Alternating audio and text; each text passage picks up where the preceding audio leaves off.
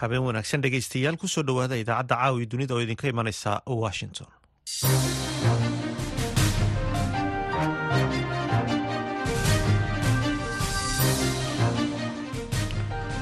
waa salaasa bisha februari ee sanadka labada kun afariyo labaatankuna waa saddex iyo toban. Waxaad naga dhagaysanaysaan mawjadaha gaagaaban ee lix iyo tobanka iyo sagaal iyo tobanka mitrban iyo boggeena internetka ee v o a somaly com. Saacadda afrikada bari waa toddobadii fiidnimo idaacadda caawiya dunidana waxaa idinla socodsiinaya anigoo ah xuseen barre aadan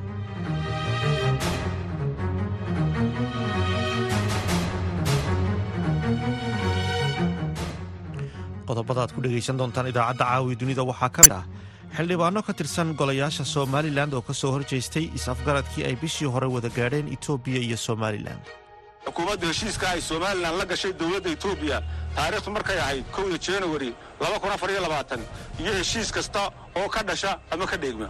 Waxa aannu u aragnaa is-afgaradkaas mid aanu sharci ahayn oo ka soo hor jeeda danta shacabka diintooda dastuurka ay ku heshiiyeen. Waxaa kaloo dhegaysan doontaan barnaamijkii galka baadhista oo ku saabsan dadaalada lagu yaraynayo gudniinka fircooniga wasaaraddu waxay qorsheynaysaa. Marka culimmada uu sharcigaasi ka soo dhammaado ee ah sharciga cirabtirka gudniinka gabdhaha waxaa la marsiin doonaa procedurkii dawliga ahaa ee dowladdu markaasi ay ku ansixin lahayd. Sharcigaasi oo qaybaheeda kala duwan ayuu mari doonaa iyadoo aan rajaynayno in sanadkan xukuumadda uu gaaro si ay u ansixiso. Qodobadaasi iyo kuwo kale ayaad maqli doontaan balse marka hore waxaad ku soo dhowaataan warkii dunida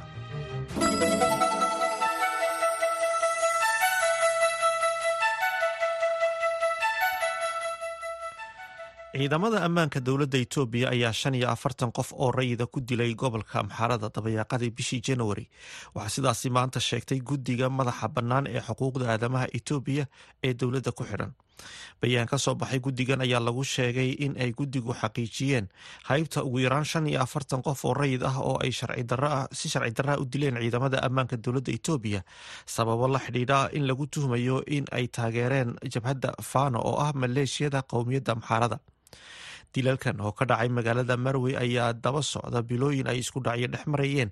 Ciidamada militariga iyo fano oo ah maleeshiya sheegatay in ay ka jirto difaac nafsi ah. Dagaalka ayaa ku qasbay dowladda inay xaalad deg dega ku soo rogto bishii agost taasoo ay xildhibaanada ku kordhiyeen afar bil oo kale bishan dowladda maraykanka ayaa toddobaadkii tegay sheegtay inay aada uga walaacsan tahay warbixinada ku saabsan dilal shacabi ah oo la beegsanayo shacabka kuwaasoo ka dhacay magaalada marwey waxayna ku baaqday baaritaan madax bannaan. Golaha senadka ee maraykanka ayaa aroornimadii hore ee saaka xilliga maraykanka ansixiyey xirmo lacageed oo gaadhaysa shan iyo sagaashan bilyan oo dollar oo ah kaalmo ay dowladda maraykanka ugu tala gashay ukrain israa'iil iyo taiwan ansixinta ayaa soo afjartay bilooyin wadaxaajood adag oo ay arrintani ka yeelanayeen. Mudanayaasha jamhuuriga oo qaarkood ka soo horjeeday deeqda lacageed ee uu maraykanku siiyo ukrain labayo labaatan xildhibaan oo jamhuuri ah ayaa ku biiray dhammaan xubnaha dimuqraadiga ee sanadka waxaana xeerkani uu helay codo dhan toddobaatan halka ay diiday sagaal iyo labaatan ukrain ayaa xirmadan lacageed ka helaysa lixdan bilyan oo dolar israa'iil ayaa iyaduna waxay helaysaa qoondo lacageed oo gaadhaysa afar iyo toban bilyan oo dolar oo ay ku maalgeliso dagaalka ay kula jirto xamaas iyo duqeymaha ka dhanka ah kaza halka ay taiwan iyo ay wadaagta maraykanka yihiin ee aagga indian iyo bacificu ay heli doonto sideed bilyan oo dolar xirmada ayaa sidoo kale qeyb waxaa ka ah sagaal bilyan oo dolar oo uu maraykanku ugu talagalay gargaar bini-aadannimo oo aadi doona kaza armeniya ayaa maanta sheegtay in afar ka mida ciidankeeda militariga lagu dilay xadka u dhexeeya dalkeeda iyo wadanka azerbaijan kadib markii ay haleeshay rasaas ay sheegtay in ay soo rideen ciidamada azerbaijan weerarkan ayaa ah kii ugu horreeyey ee laga soo wariyo xadka labada dal. Tan iyo markii uu sannadkii hore bilowday wadahadallo lagu doonayo in lagu dhammeeyo colaadda armeniya iyo azerbaijan ee soo jiitamaysay soddonkii sano ee la soo dhaafay. Iskudhacyada xadka gobolka nakorno karabakh ee ay wada sheegtaan labada dal ayaa ah mid inta badan soo noqnoqda. Gobolkan ayaa furin dagaal ahaa tan iyo sannadkii kun sagaal boqol sideed iyo siddeetankii intaasna dhegeystayaal waxaa inoogu idil warkii dunida.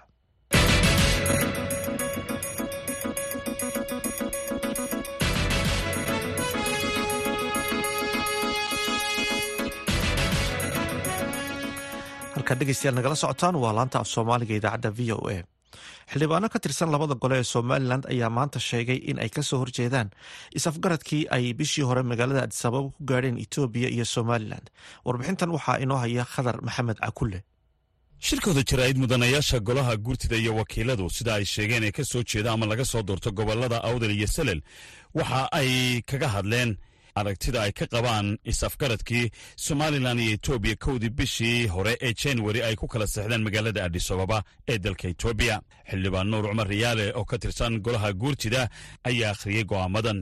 Annagoo ah xildhibaanada labada gole ee baarlamaanka somalilan ka kooban guurtida iyo wakiilada ee laga soo doorto gobollada awdal iyo salel waxa aanu halkan ku soo gudbinaynaa mawqifka aanu ka qabno is-afgaradka ay xukuumadda somalilan iyo etoobiya gaadheen kowdii januari laba kun afar iyo labaatan ee ka dhacay adisababa is-afgaradkaas oo si toos ah saamayn ugu leh dadweynaha na soo doortay ee aanu matalo markii aanu aragnay hadallada iskhilaafsan ee ka soo baxaya somalilan iyo etoobiya ee ku saabsan is-afgaradka understanding oo muujinaya madmadow iyo hubitaan la'aan.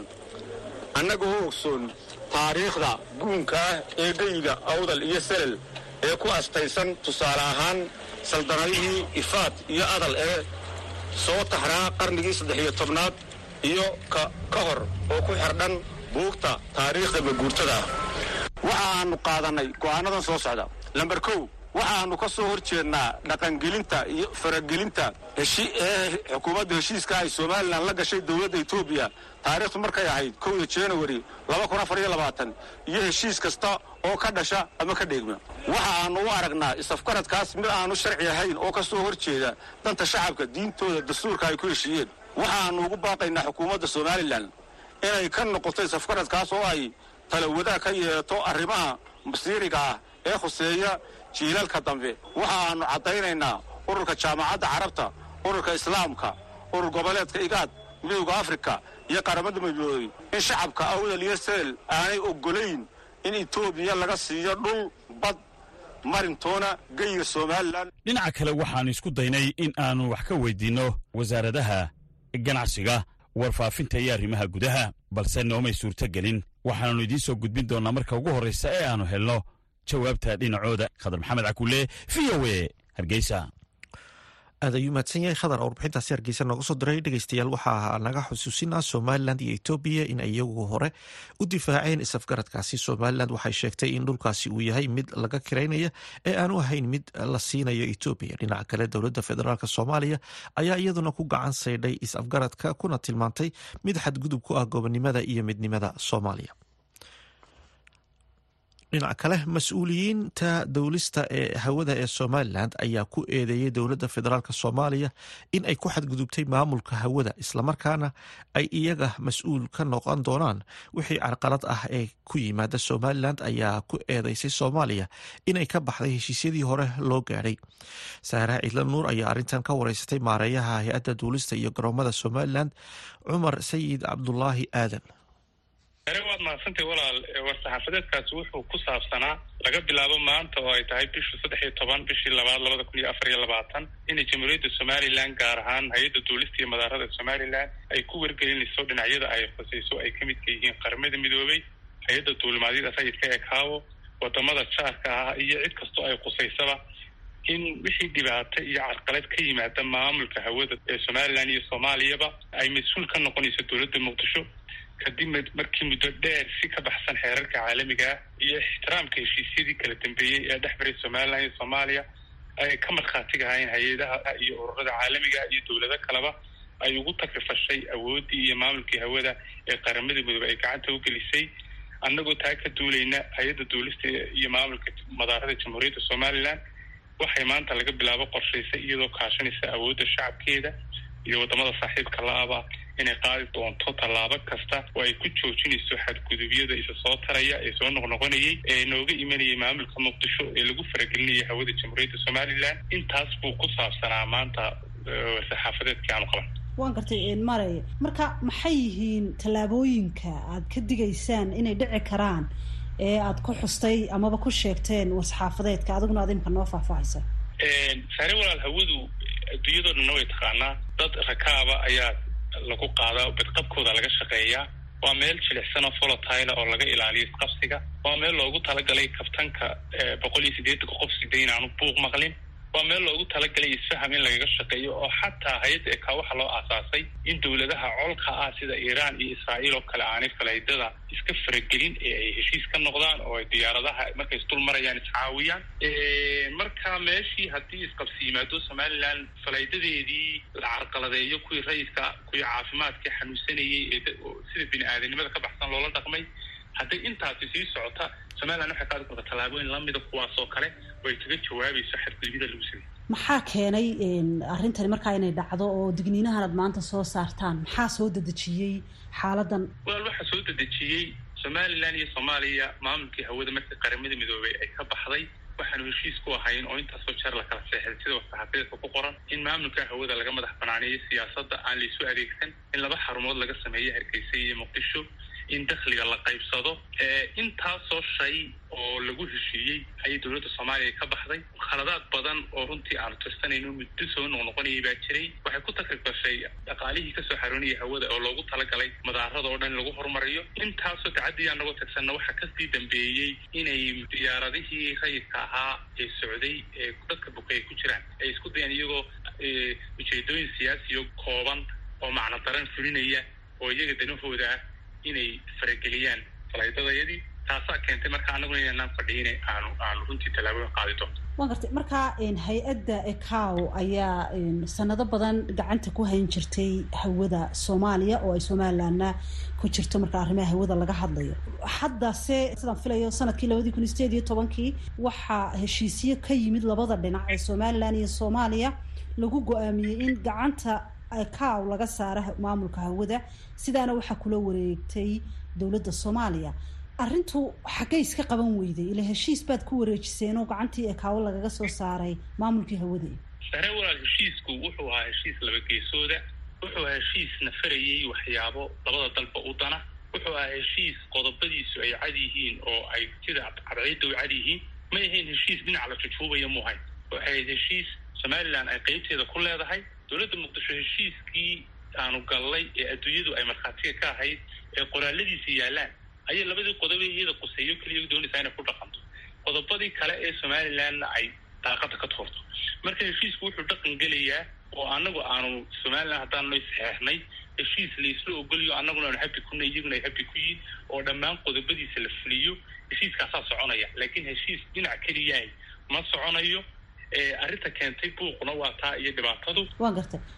Lacag baa ku xusan war-saxaafadeedka waxaad sheegteen in lacag lixdan milyan oo dollara in sannadkii ay kaga lunto somalilan hawadaasi diyaaradaha maraya isla markaana ay ku dhacdo dhinaca soomaaliya. Bal arrintaa noo faahfaahaya walaal sahre waxa weeye somalilan iyo soomaaliyaba marka laysku daro waxay ku yaalaan mantaqad istraatiijiya diyaaradaha madaark madaaradoo keliya isticmaala ma isticmaalaan waxaa jira diyaarado fara badan oo hawada isticmaala. Meesha ugu sii muhiimsanna waa somalilan oo isku xidha asia iyo africa diyaaradahaas marka loo qabta adeeg oo mataawirka hargeysana inta ugu badanba uu bixiyo waxaa ka waajiba in la saaro khidmad laga qaado. Khidmadaas sannadkii ugu dambeeyey soddon milyan oo wax dheer yihiin ayay noqotay sanadadii ka sii horreeyeyna sideed iyo labaatan milyan sagaal iyo labaatan milyan toddobiyo labaatan milyan bay ahayd meelahaasaan ku qiyaasayno statiskii u sheegayaan haddii lagu isticmaali laha heshiiskii ankara iyo istanbul iyo jabuuti iyo meel walba ay noogu saxeexeen somaliland waxay qayb u heli lahayd forty percent dakhligaas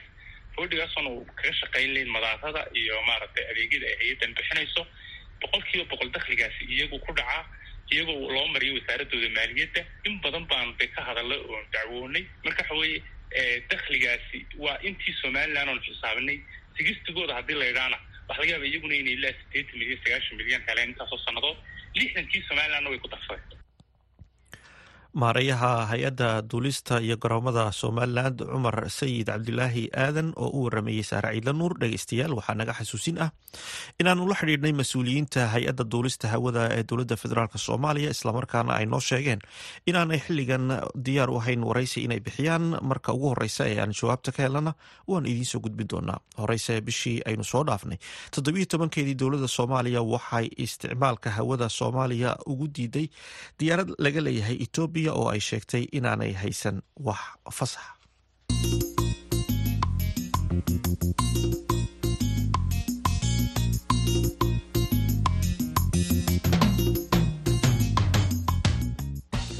Halkaad dhegeystayaad nagala socotaan waa laantaaf soomaaliga idaacadda v o a. Dunida waxaa maanta laga xusayaa maalinta raadiaha soomaaliya waxa ay ka mid tahay meelaha uu weli raadiyuhu ka yahay aalad muhiim ah oo dhinaca warbaahinta wariyayaga muqdisho cabdulqaadir maxamed cabdulle ayaa arintan kala sheekaystay cabdifataax axmed kalgacal oo ah suxufi aragga la ah. Haddana ka shaqeeya mid ka mida meelaha ugu khatarta badan ee suxufiyiintu ay ka howlgalaan. Cabdiqaadir marka runta laga hadlo waxa lagugu caawin karo waa in yani qofka aa rabtay meesha uu joogo lagu tusiyo ama yani lagu geeyo. Taas dadkao dhan aa ka siman laakiin aragtida iyo fakarka iyo hal abuurka ma ahan wax qofka laga caawin karo. Marka aragtida iyo fakarka iyo hal abuurka marka aniga la imaado dee mararka qaar waxaa dhici karta qofka aan raba inuu de yidhaahdo de adigoo qof arag la ah maarata ama naafo ah sideed yani maarata ii wareysanaysaa ama aada war u raadinaysaa waxaa laga yaabaa halkaasoo kale inay su'aal ka timaado. Dadka qaarkiis waxaa laga yaabaa inaanay si dhaba u fahmin ama aysan u qaadaninba inaad tahay qof wariye ah oo maarata shaqaynaya oo maxay ahaydoo xaaladiisa shaqo ee caadiga ku guda jira waxaad ka shaqaynaysaa magaalo khatartu maaba heer bay soo joogtay. Xilli adag qaraqyo dhaqayeen xaaladu adkeyd baa dhex joogtay. Sideed maaragtay sideed xilligaas u xallin jirta ama u maarayn jirtay maadaama daruufaha amniga caasimaduba ay kala go-nayd xaqiiqatan dhab ahaantii cabdiqaadiro waxaan soo marnay wakhtiyo adag oo maxaa la yidhahdaa isheeg annagoo shaqo caadiga ku guda jirna israsaaseyn iyo dagaalana ay kor dhaceen waxaan kaloo joognay madaafiic iyo maaragta hub culus iyadoo naga duldhacay waxaa kaloon joognay qaraxyo iyadoo naga duldhaceen waxaan xusuustaa laba kun iyo labaiyo tobankii madaxweynaha hadda joogo.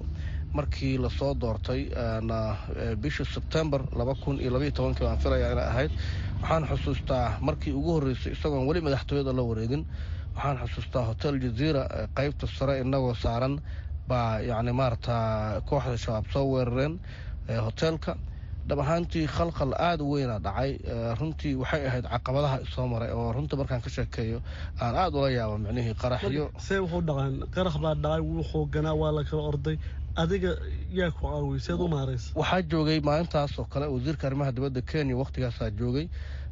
Hoteelkii dad badan oo siyaasiyiina iyo dad badan oo maarata madaxweynaha security dadka ku xeeran ah iyo maxaan ku rahda saxafiyiin badan waa la joogay. Dadka waxaa xusuustaa inay inta badan dhulka seexdaan markii qaraxyada iyo jugta xabadda ay isku darsantay. Laakiin aniga dabcan dadku hadba sidaa yani maarata u dhaqmaan ayaa ula falgalaya de haddii la seexdo waa la seexanayay.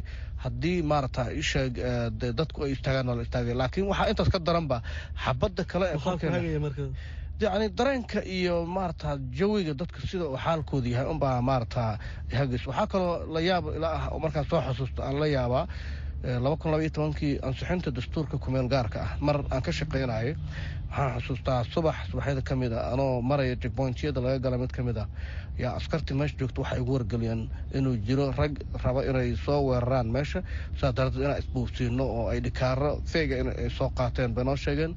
Marka qaraxyaa dhici raba yidhahdeen marka waxay igu noqotay wax runtii lama filaana bay igu noqotay. Yacni intaan meesha sii socday baan walwal badan muujiyay laakiin mar alle markaan meeshii gudaha galay jugtii qaraxyada iyo rasaastii lagu weerar raggii waxaasoo dhan micnihii waxay ahaayeen. Wax aan maqlo. Marka waxaan ku idhi haddiiba yani maarata waxaanoo kale la sii ogyahay waxaa ficnaan lahayd in laga hortago. Marka runtii khalkhalka iyo cabsida iyo maarata caqabadaha ay leedahay hawshaasoo kale marka la fiiriyo waa hawl kalo marka laga hadlayo amniga saxafiga khatar weyn waa la dilaa wariyaasha dhib bay la kulmaan. Adigu sideed ma jiraa dareen gaar kuu gaara adiga dabcan runtii horta alla dila dhinto oo yani maarata qofka bini aadanka marka tiisa dhammaato ayuu dhimanaya. Laakiin waxaan aaminsanahay wadanka aan joogno geeska africa ku yaalla ee soomaaliya la yidhaahdo maarata qof yani maarata wax loo reebto inuu jiro ma filayo. Intaasoo qarax intaasoo xabad iyo intaasoo rasaasba oo hadda dhacdo aan kaaga soo sheekay iyo kuwo kaloo badanba haddiiba yani maarata ay dhaceen oo maarata weli aan ka noolnahay tayada unbaa weli wax ka dhiman yihiin. Laakiin dad badanoo nala mid ah oo nala joogay way dhinteen kuwo kale way dhaawacmeen marka waxay la tahay kuwo kale oo dadkii nala shaqaynaya saxafiyiinta ahaana waa la beegsaday waa la dilay. Maxay kaaga dhigan tahay maalintan dunida laga xusay maanta raadiyaha dhab ahaantii maalinta raadiyaha maanta waa maalin runtii aada u weyn. Waxay nala tahay maalin qiimo leh inay tahay oo yacni dunida sida weyn looga xuso. Yacni maanto kale waxay ahayd in laga fakaro oo la soo bandhigo caqabadaha maarata guud ahaan saxafiyiinta soomaalida ee ku xeeran iyo maxay ahayto mid dhinaca kalena in laga fiiriyo sidoo kale oo guulaha la gaaray iyo sida uu isbeddelka u sameeyey raadiyaha maanta. Cabdifataax daruufahaad ii sheegtay weli waad joogtaa hoolkaaga ugu dambeeya muxuu yahay dhab ahaantii yoolka ugu dambeeyo waxa weeyaan aniga shaqadeyda kama caajisi doono. Waana sii wadi doonaa ilaa inta maarata nafta ugu jirto. Laakiin waxa weeyaan waxaa mar walba muhiim ah in uu jiro yacni bulsho fahamsan shaqada aan hayo inay tahay shaqo aada u weyn mas'uuliyad leh oo maarata runtii qof karti leh oo shaqo taga inaan ahayna waa inay aaminsan yihiin dadka aan la falgalayo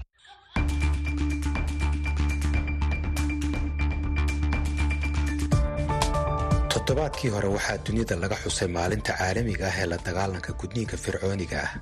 Sanadkan waxay ku soo aaday iyadoo dadka u dhaqdhaqaaqa soomaaliya la dagaalanka caadadaas ay sheegeen inuu weli gudniinka fircooniga ah uu marayo heer aada u sarreeya dalka. Sacdiye maxamed nuur waa agaasimaha waaxda horumarinta haweenka ee wasaaradda horumarinta haweenka iyo xuquuqda aadanaha.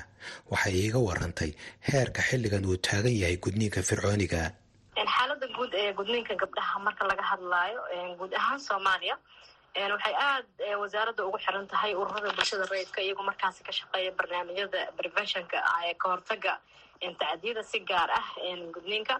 Waxaa aada loo soo tabiyaa in magaalada marka la joogo oo kaleeto gudniinka fircooniga ay aad markaasi ay u soo yaraatay marka loo fiiriyo deegaanada ka baxsan magaa magaalooyinka ka baxsan marka loo fiiriyo. Hase ahaatee weli waa ay jirtaa. Daraasadii la sameeyey labada kun iyo sagaal iyo tobankii oo wasaaradda caafimaadka ay ku lug lahayd waxaa lagu sheegay in sagaashan iyo sideed boqolkiiba gabdhaha soomaaliyeed ay maraan gudniinka nouca loo yaqaano fircooniga oo guud ahaanba la baabi'iyo xubintii gabadha la baabi'iyo. Waxaana jira marka laga soo tago magaalooyinka deegaanada markaasi miyiga ahne waxaa aad naloo soo gaarsiiyaa warbixino sheegaya in gabdho badan koox koox loo gudo xitaa deegaanada qaarkood waxaa ugu dambeysay kismaayo keiskii ka dhacay sannadkii hore ee dabayaaqadiisii oo sagaal iyo toban gabdhood hal meel loogu sameeyo gudniinka fircooniga ah. Hase ahaatee hadda laftirkeeda way jirtaa magaalooyinka. Waxaa la soo gaarsiiyaa qaar ka mid ah cisbitaalada gabdho yaryar oo lix jiro ah oo iyagu markaasi gudniinka fircooniga nuuca fircooniga loo guday oo laga keenay deegaanada ka baxsan magaalooyinka iyagoo markaas qaarkoodna dhiigbax awgeedii loo keenay. Qaarkoodna inta aad loogu talax tagay oo aada loo talay loo keenay kadib markii kaadida ee markaasi ilmihii yaraa ay ka soo bixi weysay. Furis loo keenay oo dib loo daaweeyey kaysaskaas ayaa wasaaradda soo gaaray. Ma dhihi karno wuu yaraanayaana ma dhihi karno hase ahaatee weli way taagan tahay. Dhibaatooyinka gudniinka fircooniga ee hadda laga isticmaalayo soomaaliya warbixinaha iyo qiimeynta hadda aada haysaan ma waxa weeyaan inuu hoos u dhacayo ma inuu kor u socdo mise inuu halkiisii taagan yahay warbixinada aan hayno waxay tahay in magaalooyinka markaas laga guurayo gudniinkii fircooniga hase ahaatee uusan baabi'in gudniinkii gabdhahe. La isticmaalayo noocyo kaleeto oo sunnadii loo ekeysiinayo laakiin aysan ahayn sunnada. Laakiin laga soo guurayo xoogaa yar gudniinkii fircooniga guud ahaan gabadha la wada toli jiray oo la baabi'in jiray tirada rasmiga ah ee marka laga soo tago daraasadii la samey labada kun sagaal iyo tobankii hadda ma hayno national datana ma jirto oo la sameeyo. Hase ahaatee wasaaradda way qorsheynaysaa national data oo markaasi daraasad ku saabsan gudniinka in ay markaasi ay sameyso laakiin waxyaaba hadda aan ognahay waxay tahay wacyigelin badan oo ay wadaan ururada bulshada qaybahooda kala duwan. Wasaaradda laftirkeeda waxaa jira kulamo ay qabato wadaadadii umulisooyinka dhaqanka odayaasha dhaqan laisugu keeno oo bulshada qaybaheeda kala duwan aada looga hadlo wacyigelin ballaaran la sameeyo sida munaasabadaha si gaar ah munaasabadii lixdii februaayo ee ah maalinta u la'aanta maalinta caalamiga ah u dulqaadasho la'aanta gudniinka gabdhahoo kale ee aan sameyno in fariimo badan aan gaarsiino bulshada qaybaheeda kala duwan iyadoo mararka qaarkoodna ay dhacdo la sameeyo dad volunteer ah oo degmooyinka joogo haween la tababaray oo volunteer ah guryaha garaacaya ayay wasaaradda ay aas-aastay oo iyagu markaasi wacyigelinta ugu geynaya bulshada guryahooda. Marka wacyigelinada hadda socda markaad fiiriso waxaa yaraaday gudniinkii fircooniga. Hase ahaatee waxaa weli socoto in gabdhihii la gudaayo. Waayo mushkiladdu waxa weeyaan sida la sheegayo ficilkan in la sameeyo ama lagu sameeyo meel qarsoodi ah guryo lagu sameeyo sida aad sheegtay qofka in xaaladiisu aada xumaata moogiye aan la keenin cisbitaalka lana ogaanin xaaladda gabdhahan. Ma jirta arrintaasi maxaa laga qaban karaa way jirtaa wayna soo gaaraan in gabdhaha sababtoo ah waaba la ceebeynaya gabadha haddaana la gudin bulshadeena dhexdiisa bulshada soomaaliyeed dhexdeeda markaad fiiriso waxyaabaha sida deg dega loo qabtana marka arrimahaasi xaafadaha qaarkood laga maqlo in gabdho la guday oo islamarkaasna la qarinaayo. Waxaa jira haween oo tababaran oo aan ku sheegay oo degmooyinka ka tirsan iyagoo markaas si volunteers ah ku gaarayo xaafadaha gudniinka uu ka dhacay. Islamarkaana ogaanayo haddii ay xaalad khatar ah ay dhacday oo kale soo gudbinayo oo xitaa familieskii ku dhiirigelinayo in caruurtii la guday la geeyo. Cisbitaalada markaas ugu dhow. Qaabkaas ayaa lagu ogaadaa waxaana lagu sameeyaa wacyigelintana qaabkaas ayay ku gaartaa qoysaska. Laakiin ma ahan mid markaas bulshada soomaali si gaar ah waalidiinta ay aada u aqbalayaan in gabi ahaan laga baaqsado in gabdhaha aan la gudin hase ahaatee ay mar walbaba ku adkeysanayaan in gabdhaha loo gudaayo nuuca sunnada ah? Sunnadiina haweeneyda sameynaysa gudniinkana aysan laftirkeeda markaas si professionally aysan u garanaynin ay ku talax tagayso. Doctor mustafe cawil jaamac waa agaasimaha qoyska ee wasaaradda caafimaadka soomaaliya. Waxa uu iiga warramay xogta ay wasaaraddu ka hayso gudniinka fircooniga ah iyo xaaladdu sida ay tahay. Horta waxa weeye runtii waa tacadiyo iyo gaboodfalyo lagu samaynayo carruurta khaasatan gabdhaha yaryar walal sidaad la socotid waddamada yurub iminka oo dad badani ay u soo qaxeen caruuraha marka ay soo baxaan waa la eegaa waxaa laga eegaa in ilmahan yar inta waddankii lagu celiyay gudnidii fircooniya loosoo sameeyey. Haddaba waddankeena soomaaliya sida ku cad cilmi baaristii u dambeysay la sameeyey somalia democratic health survey boqolkii sagaashan iyo toddoba weli waddankeena waa la sameeyaa wixii la odranayay gudniinka fircooniga ah. Waxa inagala mida wadamo badan oo africa iyo asia ku yaalla sida nature jabuuti egypt guinea wadamadaasoo dhan waa inagala mid yihiin. Si kale haddii loo dhigo waxba isma bedelin weeye. Tan iyo intii uu bilowday. Maxaan ku yidhahdaa gudniinka fircooniga ilaa hadda wax badan isma bedelin wax badan walaal ismay bedelin oo oo oo la sheegi karo la taaban karo. Siday cilmi baaris cilmi baarisyadu caddaynayaan oo kuwii u dambeeyey waddanka laga sameeyaya wax badan iskamay bedelin. Sababtu maxay tahay wax isku bedeli lahay? Walaal sababuhu waa badan yihiin. Sidaad la socoto wasaaradda annagu wasaarad caafimaad ahaan waxaanu leenahay qaybta oo dhibaatooyinka iyo caafimaad darrada ka dhalata gudniinka inaan wax ka qabanno. Ayaan ayaa annaga nuqsaysa wasaarad caafimaad caafimaad ahaan. Wasaaradda haweenka waxaa khusaysa inay wax ka qabtaan qaybta oo protectionka ilaalinta iyo inay wax ka qabtaan. Marka waxaa la geeyey biil ayaa jira la geeyey baarlamanka iyo wasiirada loo geeyey aan weli wax sharcigii ka soo bixin oo la doonayo in lagu xakameeyo. Marka waxaan doonaya inaan halkan hal mid uga faa'iidaysto. Waxaa jirta waxa la yidhaahdo medicalization of f t m.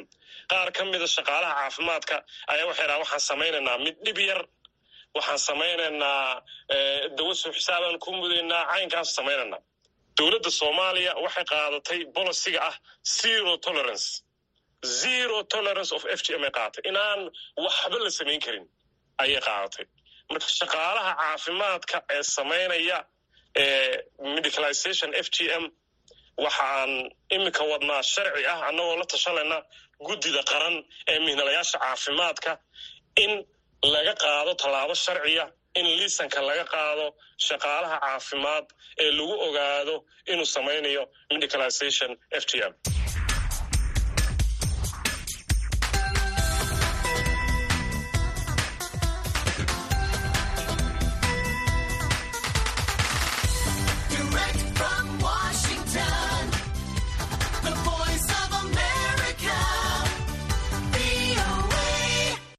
fiid wanaagsan dhegaystayaal ku soo dhowaada barnaamijka toddobaadlaha ee caweyska dhadhaab kaas oo idinkaga imaanaya. Laanta afka soomaaliga ee v o a reediyoga xeryaha dhadhaab. Barnaamijka toddobaad walba waxaaad ku dhagaysataan labada mawduuc ay ugu hadalheynta badan yihiin. Bulshooyinka ku nool xeryaha qaxootiga iyadoo dhegeystayaasheena dhadhaab iyo deegaanada ku xiran ay si toosan uga dhagaysan karaan. Idaacadda f m-ka v o e da dhadhaab ee ka soo gasha mawjada f m-ka hal ibar lix dhibic todoba megahartis barnaamijkeena caawa qodobada aad ku maqli doontaanna waxaa ka mid noqon doonaa. Dhalinyarada ku nool xeryaha dhadhaab ee dalka kenya ayaa walaac ka muujinaya fursadaha waxbarashada heerka jaamacadeed oo sii yaraanaya iyadoo sanad kasta boqolaal dhalinyaraha ay ka soo gudbaan waxbarashada dugsiyada sare sidoo kale barnaamijka waxaa qeyb ka ah qaar ka tirsan qaxootiga oo ka waramaya dhibaatooyinka ay uga soo qaxeen soomaaliya iyo rajada ay ka qabaan inay dib ugu laabtaan dalkooda hooyo. Kaba marra xubintii shakhsiga oo toddobaadkan aan ku wareysan doono xasan ibraahim aadan oo ka sheekayn doona waayihiisa nolosha qaxootinimo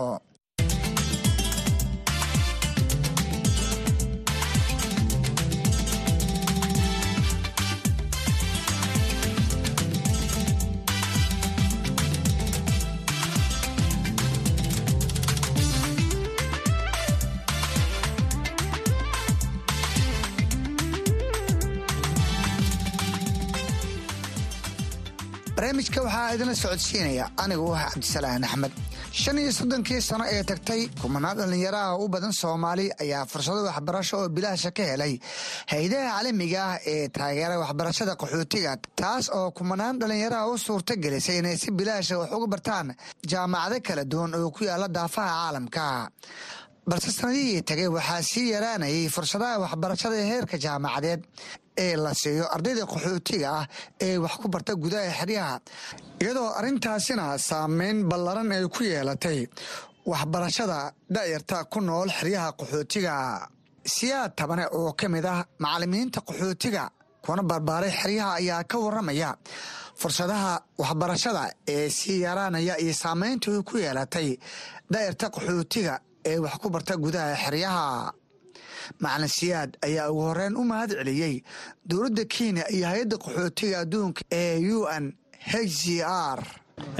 Saad sheegta waxaan ka mid ahay daayartii ku barbaartay xerooyinka dhadhaab gaar ahaan hadda waxaan ahay marata mas'uul xagga ururka dhallinyarada saddexda xar marka marka koowaad waxaan jeclaysa inaan fursaddan ugu faa'iidaysto inaan halkan uga mahad celiyo dowladda kenya iyo shacabkeedaba si gaar ah. Waayo soddonkii sana ay halkan aan joognay gobasha inoo fidiyeen waan uga mahad celinaynaa sidoo kale hay'adda u n h c r waan uga mahad celinayna iyadana sidii maarata ay gacanhaynta badqabka qaxootiga ay in badan ay maarata isugu dhawarjibisay waan uga mahad celinaya walaalow in badan horta dhallinyarada wax badan oo faa'iida ah way kala kulmeen. Halkan ay ka mid tahay amniga ay ku naaloonayaan ay ka mid tahay maarata waxbarasho iyo nolol kale heerarkeeda kala duwan fara badan ay soo mareen.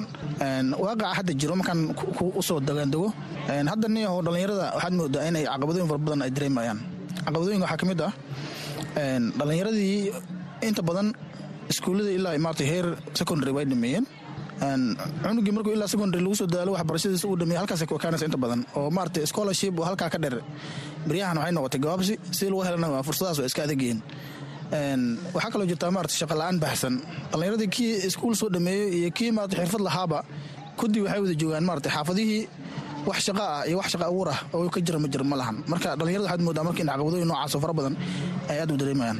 Waa tahay macalin. Siyaad dhinacan waxbarashada bilaashka ah ee heer jaamacadeed xilligan maxaa lumiyey bay kula tahay oo jaaniska ay u waayeen maadaama horaan ay u jirtay dhalintana aad loo caawin jiray. Waa maasan tahay. Su'aashaas waa su'aal mudan in las weydiiyo aniga naftikeen mas'uuliyiinta dhallinyarada maadaama nahay in badan hay'adaha waa aan weydinay sababta gabaabsiga keenay iyo maarata gaabiska faraha badan ku imaaday maarata xagga scholarshipka ee la siin jira dhallinyarada. Dhallinyarada waxaa leeyahay hay'adaha inta badan waxay sheegaan in uusan jirin dhaqaalihii ebel lagu bixin jiray ee dhaqaale la'aan ay ka dhacdo adduunka waa ogtahay maalmahan dambe xasarad fara badan meelo badan ka jirta adduunka adduunka dacladiisa meelo badan sida dagaalka ukraine russia waxyaaba badan jiro. Marka ayagoo marka uu cudurdaar noocaas bixinayan inta badan waxay dhahaan dhaqaalihii aan ku bixin jirnay ayaa gabaabsi ku imaaday marka dhallinyarada marka arrintaas waxay ku noqotay marka caqabad ay maarata aad u dareensan yihiin maanta oo maarata aan laga gudbi karin dhinaca kale tayadii waxbarashada waa laga deerinayaa oo dabcan macalimiintii tayada aheyd la qaadan jiray haatan iskuullada qaxootiga ma joogaan. Waa mahadsantahay horta tayada waxbarashada waxaa hoos u dhigayaan aniga horta dareensanahay inta badan. Kow macalinka sidiisaba haddii uu dhiirigelin haysanin dhaqaale ku fadan ku filan uu ku shaqaynaya macalinka naftiis waa qof danleeh waay waa qof maarata nafli waay ilmuu karanaya kursanaya waalida ka dambeeyo xaasaa laga yaaba inuu leeyahay. Marka macalinkii moraal inuusan haysanin laga yaaba waxbarashadii xitaa uu iska taagan yahay haddee waa wada karnaa macalimiinta inta badan hadda shaqayso marka noqoto xagga baymentka aad u hooseeya dhiirigelin kalena ma haystaan oo maarata bulshadiina maarata wax ma gacan celiso marka caqabadahaas jira awgeeda waxbarashada maarata xagga tayada waxbarashada waxaan dareemaya inay hoos u dhacday. Waa jirta arrimahaas waa arrimo u baahan in il gaara lagu fiiliyo. Sababta keentana in badan wax la iska weydiiyo xalkeedana loo degdego. Waayo xarooyinka qaxootiga dadka inta badan waalidiinta markaad waraysiga aad la yeelato waxay ku dhahayaan waxaan halkan u deganahay carruurteena wax baranaynaa waxaa halkan ugu qasbaa inaan sii joogno xarada nolosheeda waa adag tahay laakiin waxbarashada carruurteena yaan u dhowr adeegayna ku dhahaya marka arrintaa marka in il gaara lagu fiiriyo si qoto dheer maarata dhaqaala walba loogu raadiyo waxbarashada maarata tayadeeda laga taxadiro aadan waan maarata ugu dhiirigelin lahaa inta maarata ku lugta leh. Aada weyn saameyn u ka elin karaan. Waayo cunugan markuu ogyahay in markuu heerkiisa koowaad primary maxaa basic education uu qaato primary secondary inuu helayo jaamacad iyo heer sare uu ka gaaraya waxbarashada markuu ogyahay oo ay waddada u muuqato uu dhiiranaani oo uu dadaali waxbarashada ku dadaali siduu ku heli lahaa maaragtay jaamacaduna uu ku dadaali. Hadda waxaad arkaysaa dhalinyarada haweeney maalin wax akrinaysay a plus a minus b plus c plus haysato jaamacada u wada qalmay inay maanta xaafadda iska joogaan oo waxay qabtaan ay garan layihiin marka kan kale ee iskuulka hadda dhiganayo wuxuu dhihi hebel oo b mase a minus keenaba gurigu iska joogo wax scholarship wataa muusan helin ani marka maxaa maxaa dhibayo usa marka. Waxbarashadii marka meeshaas waxaa uga imaanaya nusqaan oo la dareemi karo. Marka waxaan leeyahay arrintaas waa saameyn aad u weyn ayay ku yeelan kartaa. Maarata jiilka dambe iyo waxbarashadooda heerka ay ka gaari lahaayeenba waa tahay ugu dambeyntii macalinsiyaad maxay taha fariinta diraysa waxaan fariin u darayaa dhammaan mujtamaca soomaaliyeed marka koowaad iyo marka labaadba inta ku nool xarooyinka dhadhaab inay horta isu tashtaan oo ay noqdaan dad maaragtay dhinac walba maaragtay ka dhisan oo haddii ay noqoto barbaarinta caruurtooda haddii ay noqoto maaragtay nolosha guud ee xarada inay maaragtay dad isku duwan yihiin danahooda gaarka ana inta badan focus ka saaraan. Waayo soddon sano iyo ka badana maxaa lee jira hay'ad ay gacan marka dependency syndromeka taas in laga baxo oo ay dadka isu tashtaan aad ba u mahadsan yahay kaasan wuxuu ahaa siyaad tabane oo ka mida macalimiinta ku nool xeryaha oo noogu waramay gudaha xeryaha dhadhaab ee gobolka waqooyi bari dhinaca kale daa'irta qaxootiga ku nool oo lagu qiyaaso inay bulshada ka yihiin boqolkiiba shan iyo toddobaatan ayaa tirada ugu badan waxay yihiin kuwa soo akhristay dugsiyada sare balse badankood aan helin fursad waxbarasho oo heer jaamacadeed ah.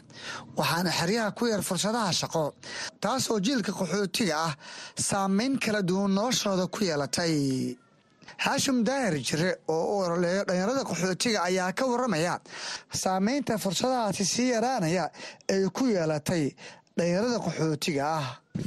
Cabsalan waa mahadsan tahay. Waxaan ku noolahay xarada qaxootiga dhagaxley khaasatan xarooyinka dhedheeb cabsalan waxaan u mahad celinayaa bahda v o eda iyo adiga oo bulshada u adeego. Waad mahadsan tahay. Haashim ugu horeyn waxaad ka warbixisaa xaalada guud ee dhalinyarada ku nool xeryaha dhadhaab xaryaha qaxootiga dhadheeb xaalada guud waa mid maaragtay la arkaa la maqlaa ah oo loo jeedo. Xaalada qaxootiga aad ayay u xuntahay xaryaha dhadheeb beryahan maciishadii ayaa iska adkaatay. Dhalinyaradii waxbay ku wada akhristeen halkan akhris bay ku wada bogeen. Ayagoo dhalinyaro kala duwan halkan wax ku barteen. Dad soomaali ama ajnabiga kaleba ha noqto xaryahana waxay noqdeen markan noloshooda hoos ayay u dhacday. Xag dhaqaale ha noqoto xag shaqo. Dhallinyaradii waxaa arkaysaa qof iskuul bogay oo haddana shaqa la'aan ah. Taasoo ku qasbayso inay waddooyin kale ay maraan. Waa yahay dabcan maalmihii la soo dhaafay xeryaha waxaa aad u taagan hadalhaynta arrimaha tahriibka bal ka waran arrimaha tahriibka iyo xaalka dhalinyarada qaxootiga. Cabsalan way jirtaa arrintaa sheegayso baryahan dambe waxaa bilowday tahriib lagu aadayo maaragta wadanka maraykanka cabsalan waxaan u maleeyaa ugu yaraan afar iyo toban qof oo dhallinyarada la aqoona ah ee xarada ka baxeen weliba xarooyinka dhedheeb khaasatan xarada dhagaxley dad badan oo ka baxay. Jooga qaarna weliba la soo celiyey turkiga laga soo celiyey oo xarada hadda ku sugan ayaa jiraan. Waxaan la socnaa haashim in arrinta hariibka iyo xerya ay ka taagan tahay. Maxay kula tahay sababta ugu weyn ee dhalinyaradaas tahriibka gelisay? Cabsalan waxaa jirta sidaan horey kuugu sheegaba xaryaha qaxootiga waxaa ka jirta miciishadii oo aad u kacday. Dadkii dad bay ku xiran yihiin waa qaar reer leh qaar oo maarata waalidkooda u adeegayo shaqa la'aan ayaa ka jirta. Qofku wax buu akhristay buu iska joogaa. Waxaa laga yaabaa inaama shaqo la siinin qofkii haashim daahir oo si qoto dheer uga hadlay arrimaha dhallinyarada ayaa aaminsan in dhibaatooyinka ay qayb ka tahay fursadaha dibudejinta oo wakhti dheer qaata taas oo dhallinyaro badan oo qaxootiha ku qasabtay inay ka tahriibaan gudaha xeryaha. Midaas waxaa kaloo nugu qasbaysaa cabsalan hay'adda aan hoos joogno ee maaragta unhcr ayadoo halkan aan ugu xaraysannahay muddo soddon iyo dhowr sana ah annagii oo wadani aan ahayn oo waddankeennin mar hore noogu dambaysay haddana wax sharci oo waddankii kale aan ku dhex qaadi karno aanan haysanin. Haddana maaragtay intay broses ama wax intay ku mariyaan ilaa muddo dhowr iyo toban sano ama dhowr iyo labaatan sano qof buufis maaragtay waan sugaya ku dhehaya arkaysa inta aadi sugaysa mid kale tahriibaya ama qarash ha ku galo ama hala garaaco ama si ha ku galo kiibaa marka kugu tashkiilinaya inaa adigana aad baxto waddada marto aad buu u mahadsan yahay. Kaasna wuxuu ahaa haashim daahir jire oo u ololeeyo dhalinyarada qaxootiga oo u waramay barnaamijka caweyska dhadhaab oo si toosa idinkaga imaanaya. La'aanta afka soomaaliga ee v o a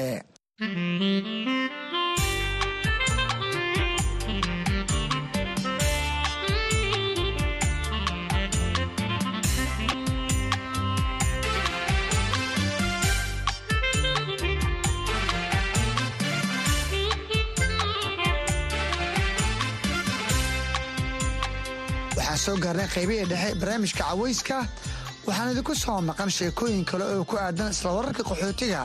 Balse iminkaan idinku wareejiyo saaxiibkay axmed cabdulaahi jaamac oo istuudiya igula sugan si uu nagu soo tabiyo barnaamijka qaybihiisa kale. Mahadsaned cabdisalaan axmed dhegaystayaal waxaad nagala socotaan barnaamijka caweyska dhadhaab oo aad ka dhegaysanaysaan laanta afka soomaaliga ee idaacadda v o a. Waxaana uu barnaamijku si toosa idinkaga imanayaa xeryaha dhadhaab ee gobolka waqooyi bari ee kenya ku soo dhowaada warbixinno kale oo la xiriira nolosha dadka ku nool xeryaha qaxootiga oo qayb ka ah barnaamijka caweyska dhadhaab ee toddobaadkan. Waxaa ka mid a qodobada aad ku maqli doontaan xubintii shaqsiga oo toddobaadkan uu marti noogu yahay xasan aadan ibraahin oo ah nin inta badan noloshiisa ku qaatay xeryaha qaxootiga ee dhadhaab oo aan ka waraystay waayihiisii xeryaha qaxootiga iyo baahiyaha ugu badan ee ay qabaan dadka qaxootiga ahi. Waxaad kale oo maqli doontaan qaar ka tirsan qaxootiga xeryaha dhadhaab oo ka hadlaya dhibaatooyinka ay uga soo qaxeen dalkoodii iyo inay ku jirto rajo ah inay dalkoodii mar uun dib ugu laabtaan. Haddii aan ku bilaabo dhegaystayaal xubinta shaqsiga xasan aadan ibraahin waa nin muddo dheer ku noolaa xeryaha qaxootiga. Waxa uu wax ku bartay xeryaha haddana waxa uu bare ka yahay mid ka mida iskuullada xeryaha qaxootiga. Xasan oo aan ka waraystay waayihiisii xeryaha iyo caqabadaha haysta dadka qaxootiga ah waxa uu waraysiga ku bilaabayaa xilliga uu yimid xeryaha qaxootiga. Waxaan imaaday taariikh labaatan bishii lixaad gii baan xagardheer imaaday. Anigoo afar jiro. Marka waxaan ku arkay taariikhda ayada inaa imaaday. Xoogaa hooyaday baa dhanka qoraalka ku fiicnaan jirtay. Warqadihii bay meel noo dhigtay. Warqadihii baa markaan galaasfo aan gaaro wax bartay ama akhriska aan bartay baan kala ogaaday wakhtigaas baan horta soo galay. Aan soo gale waxbarashadeydii dugsi hoose iyo dugsi dhexe iyo mid jaamacadba qaxootigan baan ku bogay. Dhanka waxbarashada kenya iyo laantii u n h r waxna soo bartay waxaan leeyahay hadday gaalo yihiin muslim allah ka soo dhigo. Hadday muslim yihiin waxaan leeyahay allah u siyaadiyo jannada noo ballan ah. Dhanka waxbarashada qaxootiga primary iyo secondary baahi kama qabna alxamdulilah waxaa ka imaatay dhanka macalimiinta macalimiinta lacag kuma hayaan meeshan. Macalimiinta waa layskaga shaqaystaa lacagna lama siiyo. Macalinka hadda oo hadda waxaan ahay ugu yaraan labadii kun iyo lixdii baan shaqo helay ilaa inta shan iyo toban sana camal baan macalin ahay. Hay'addan hadda joogto iyo tii horaan haysan jirtayba macalin lacagba looma hayo incentive wax la dhaho aan garan weyn oo saabuun uun ah bay macalimiinta ku shaqeeyaan. Lacagga hadda aniga waxaan qaataa macalin tababaran oo tayale baa hay'adda iga dhigtay cilmigii waan qabaa tayadii waan leeyahay. Bishii waxaan qaataa sagaal kun. Sagaal kun oo kenyahaan qaataa.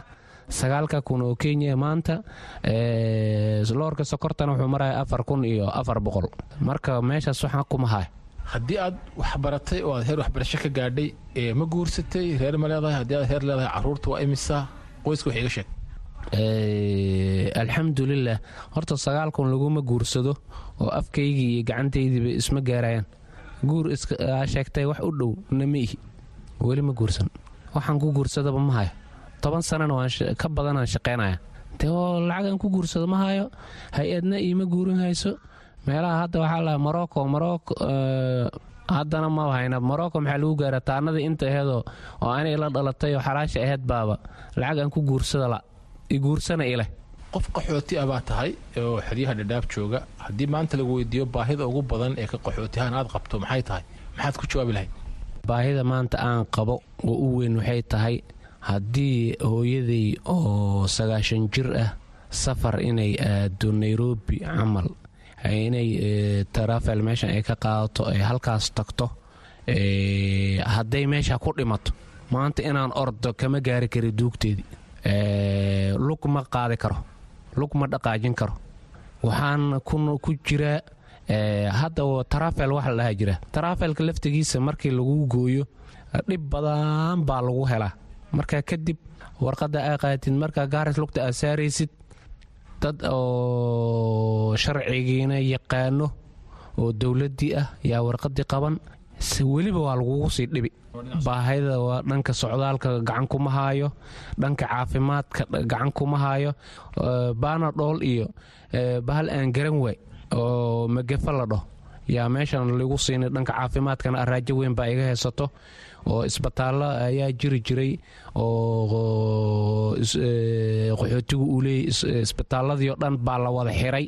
Maanta waxaa arkay baanadhool markaad u feesho ilaa iyo toddoba saac leenkaad ku jiri. Qaxootigii odaba waxaa loo kala gooyey laba boqol oo kun oo qos iyo qaxootiga xaga reer camal markaan qiyaas ah ku nool. Laba helti boosbasay leeyihiin marka isma bixinayso daawada aan u feela haddana ma xumee waqti kasta ha igu qaadatee daawo tayale ma ah daawadii markii la ii qoro haddaan ninkii daawada bixinaya u taga wuxuu leeyahay daawadan niya uma taallo haddaan dhaho kaalay dhankaa iyo gaaris ka raadi la dhahana ma dhaqaaqi karo. Waxaan ahay nin lugaha ka xiran garbaduubna loo xiray kor u bood la dhahay oona boodi karin ayaan ahay waxaad soo hadal qaaday in kaalmadii bini'aadanimadu ay yaraatay oo dhinaca caafimaadka ayaad ku dhufatay arabka iyo meelo kale. Raashinka iyo waxbarashada iyo maarata biyaha iyo dhammaantood waa laga dayranayaa dhinaca maxaa iga siin kartaa oo faahfaahina?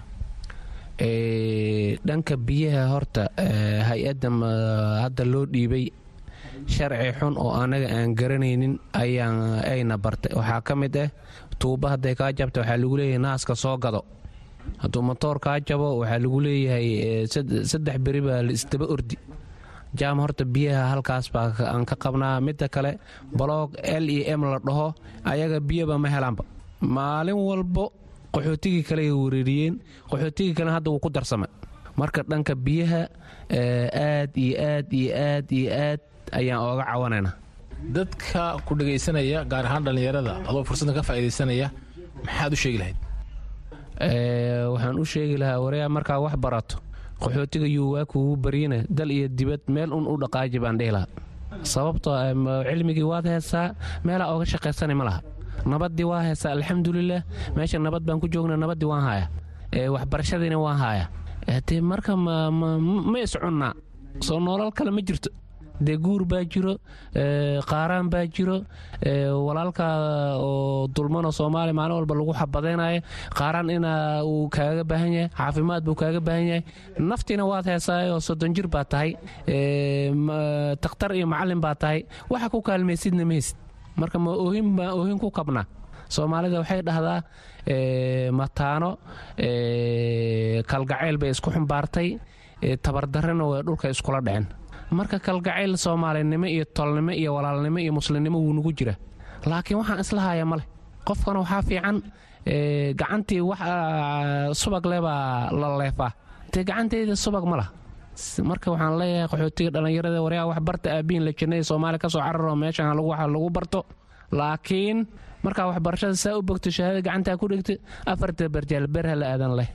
Kaasi waxa uu ahaa xasan aadan ibraahin nin muddo dheer ku noolaa xeryaha qaxootiga ee dhadhaab oo marti igu ahaa xubinta shaqsiga oo qayb ka ah barnaamijka caweyska dhadhaab geesta kale dhegaystayaal saddexdii sane ee u dambeysay waxaa xeryaha qaxootiga ee dhadhaab u soo nolol raadsaday kubanaan qaxooti soomaali ah oo duruufo kala duwan uga soo cararay dalkoodii.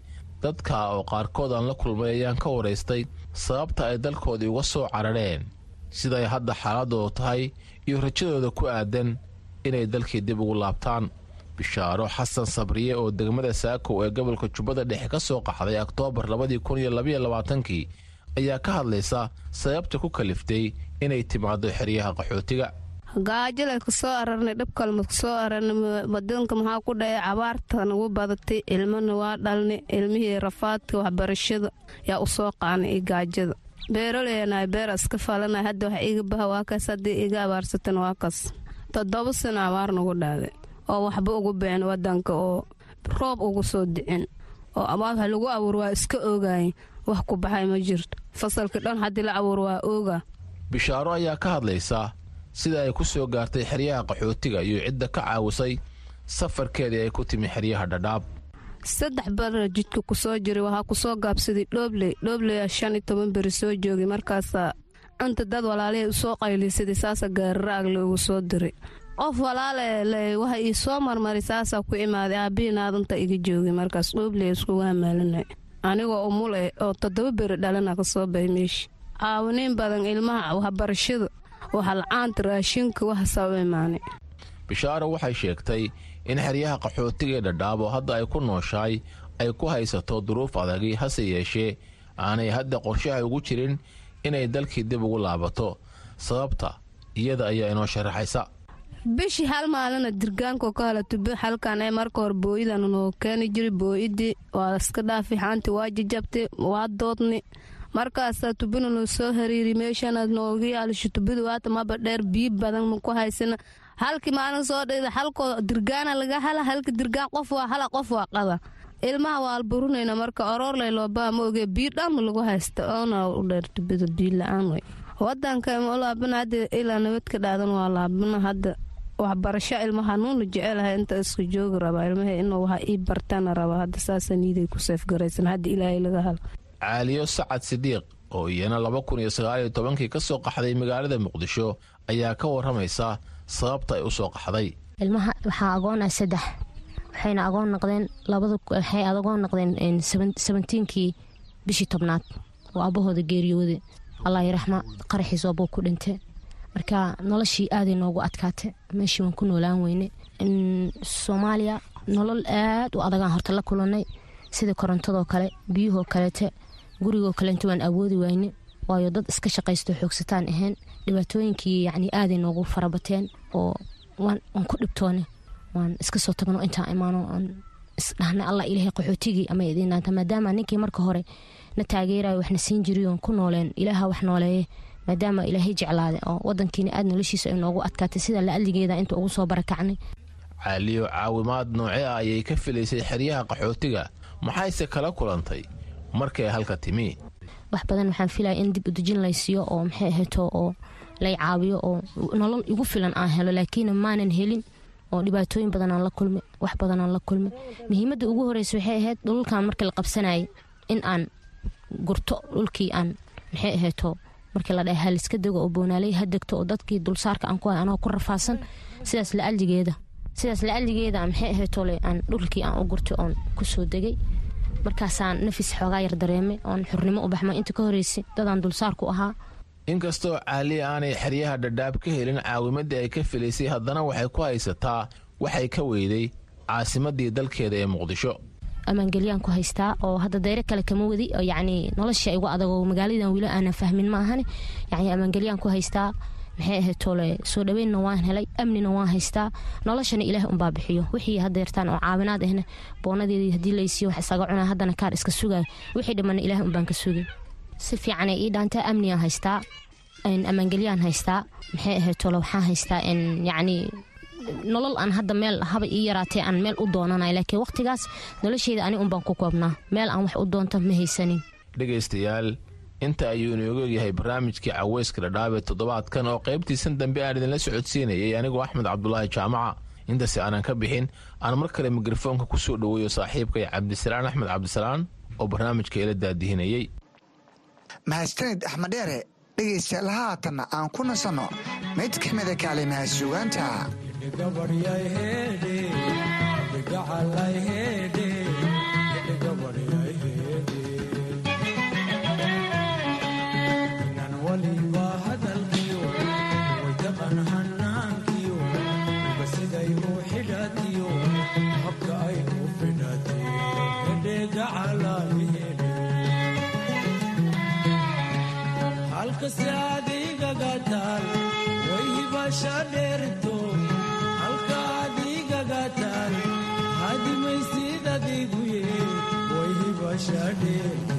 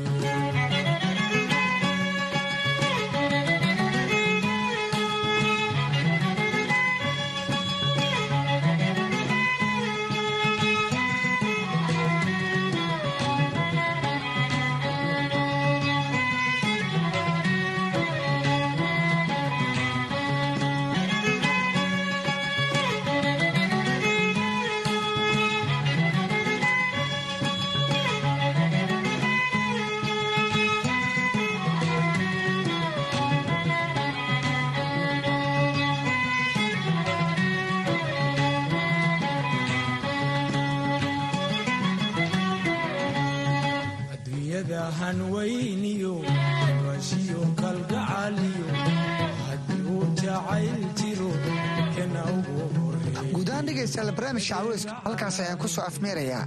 Barnaamijka waxaa idiin soo tibinaya anigoo cabdisalaan salas iyo saaxiibkay axmed dheere. Tan iyo toddobaadka dambe intaan dib u kulmi doono waxaan idinku dhaafaynaa ammaana allah